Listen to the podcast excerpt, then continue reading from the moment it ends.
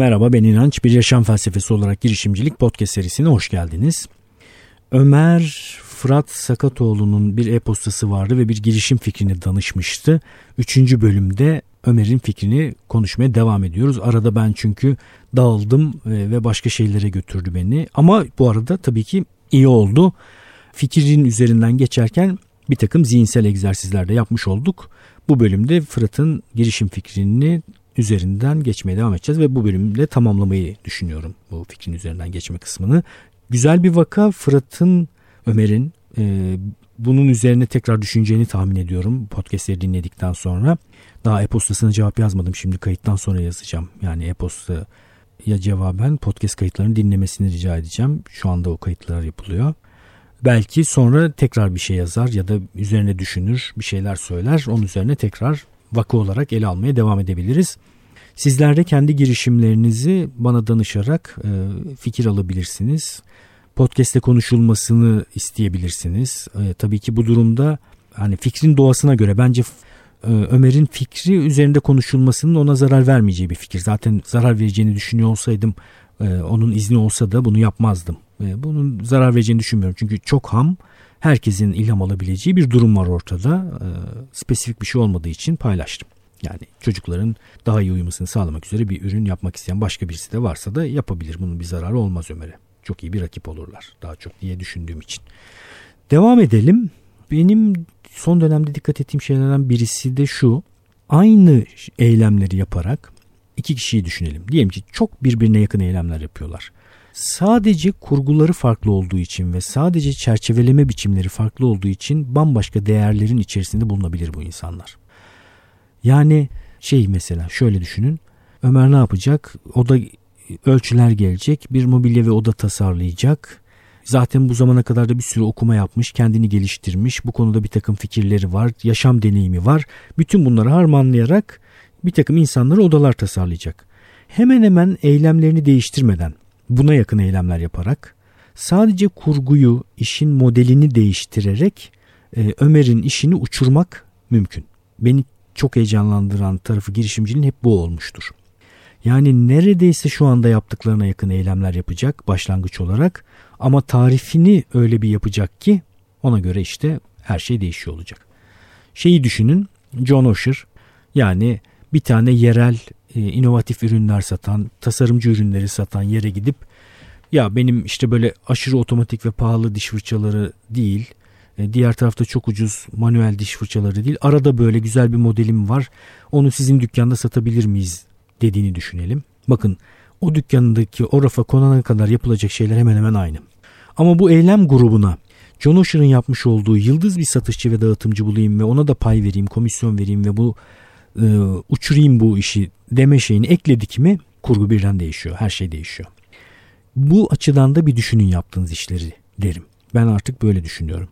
Yani bir takım şeyler yapmadan önce bu iş aynı şeyleri hemen hemen yaparak buradan herkes için daha yüksek bir değer elde etmek mümkün müdür diye o soruyu sorun lütfen.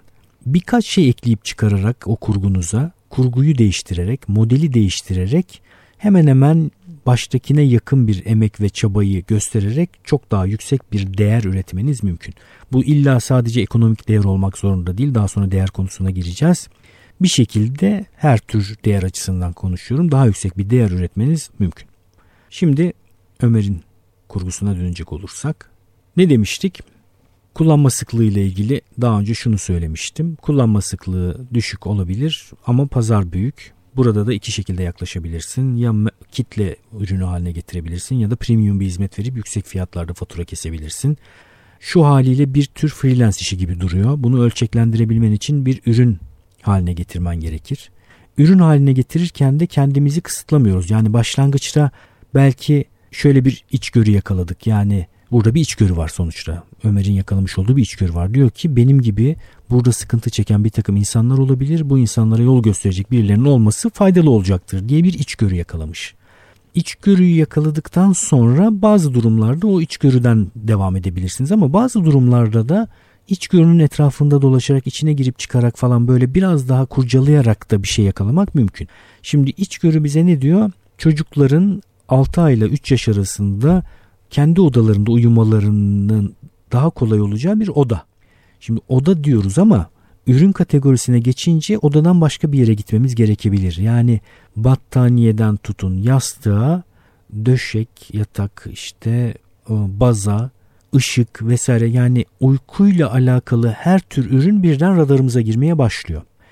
Şimdi burada çocuğun daha konforlu, iyi, keyifli uyumasını sağlayacak her tür yenilik ürün üretebilir hale getirebilir bizi.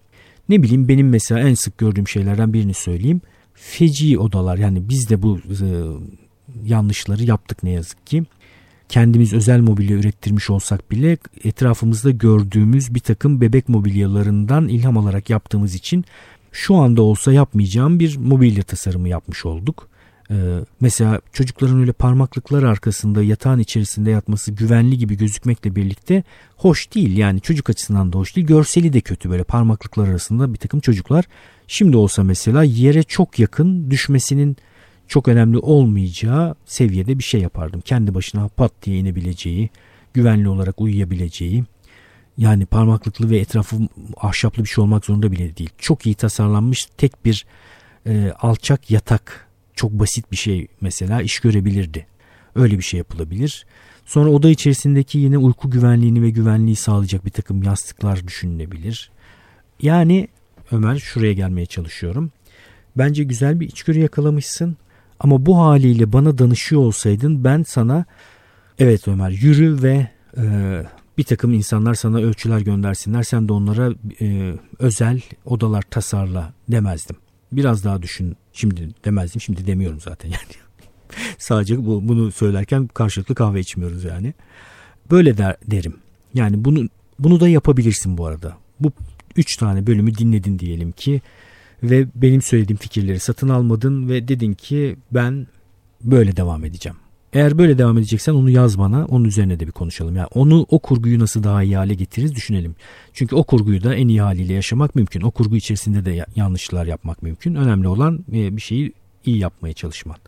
Ben benim sana önerim ama ya da hem onu yapıp hem bu dediğimi de yapabilirsin. O da bir versiyon. O dünyada, o evrende yani çocuğun iyi uyumasına yönelik evrende senin senin becerilerine yakın bir ürün düşün. Çok basit bir şey bile olabilir bu. Yani bir örtü bile olabilir hani üzerine e, yorgan gibi ısıyı dengede tutan çok fazla dağılmayan bir örtü olabilir. Işıklandırma ile ilgili bir şey olabilir. Ya da var olan yataklara eklenecek bir şey olabilir. Bilmiyorum yani düşün. Uyku kategorisi içerisinde çoklanabilir. Yılda 100 bin tane satabileceğin, raflara koyabileceğin bir şey düşünmeye çalış. Ne olacağını bilemiyorum ama artık ona sen karar ver. Diğer sorular bu girişim bir problemi çözüyor mu? Çözüyor görünüyor ama bence yine de sorman lazım. Yani birilerine sormayı ihmal etme. En az yapılan şeylerden birisidir bu. Kendi kafamızda bir problem tespit ederiz ve bu problemin herkesin problemi olduğunu düşünürüz. Sonra da hiç kimseyle konuşmadan bu problemi çözmeye çalışırız. Bunu yapmak yerine bir şekilde bu problemi başkalarının da yaşayıp yaşamadığını kontrol et. Birileriyle sohbet et. Onlardan da fikir al. İkinci sorun şuydu. Bu çözüme insanlar para harcarlar mı? Evet harcarlar. Bence de harcarlar. Eğer ayrıştırabilirsen ve kullanıcını çok fazla eğitmen gerekmiyorsa. Buna da dikkat etmek lazım. Yani rakibin yoksa, başka aynı kategoride ürün yoksa, senin bir şekilde doğru seçim olduğunu insanlara uzun uzun anlatman gerekiyorsa imkansız değil ama işin çok zorlaşıyor hali hazırda ikna olunmuş bir takım ürün gruplarında iş yapmak daha önemli. 3. Geçiş bariyeri düşük mü? Düşük demişsin buna emin değilim. Yani alternatiflerin içerisinde senin çünkü orada sadece işlevin ötesine geçiyoruz. Havalı duracak mı bunu almak? Yani senin ürününü almak havalı olacak mı? Onu düşünmek lazım. Ee, bunu havalı hale getirmenin yolunu bulmak lazım. İyi bir markalama yapmak lazım. İyi bir marka çalışması yapman lazım. Ama eğer bütün bunları yaparsan da niye olmasın bir şekilde hayata geçirebileceğin ve e, üzerinden bir şeyler kazanabileceğin bir model olacaktır diye düşünüyorum. Başka söylemem gereken bir şey var mı diye düşünüyorum bu girişim üzerine. Hemen hemen e, her şeyi konuştuk. Şöyle bir derleyip toparlamak gerekirse iyi bir içgörü var gibi gözüküyor. Bunu test etmek lazım. İnsanlarla konuşmaya, senin gibi bu problemi yaşayan insanlarla konuşmaya devam et. Not al, gözlem yap. Ee, bir takım işte röportajlar yapabilirsin insanlarla. Röportaj dedim yani bir araya gelip sorular sorabilirsin. Sonra bence o ürün evreni içerisinde basit ve çoklanabilir bir ürün düşünmeye çalış. İyi bir marka çalışması üzerine çalışman lazım. Bir içerik pazarlama kurgusu için içerisinde yer, yer almalı. Çünkü işin içerisinde bir miktar öğrenme de var, keşif de var. Yani insanlar sen de bunu yapmışsındır. Ben çocuğun daha iyi uyumasını nasıl sağlarım diye arıyorlar. Aradıklarında senin içeriğine ulaşmaları anlamlı olacaktır. Zaten içerik pazarlamada bu. Sizin değer üreten içeriği o değeri arayan insanla buluşturmanız sonrasında aranızda bir ilişki gelişmesi, o değere ulaşan kişiyle sizin aranızda bir ilişki gelişmesi ve bunun bir güvene dönüşmesi. Bu güven ilişkisi oluştuktan sonra zaten gerisi kolay. Şu ana kadar gözünüz kapalı tercih ettiğiniz bütün markaları düşünün.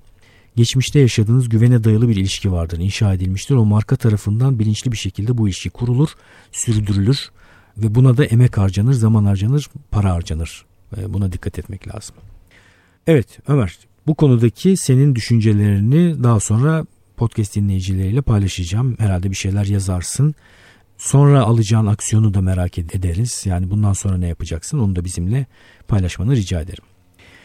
Evet yine çok keyifli bir podcast oldu benim için. E, son not olarak Cemil'e uğradım gelirken Tütüncü Cemil'e ondan da gelişmeleri size paylaşayım. Takip edenleriniz var biliyorum çünkü.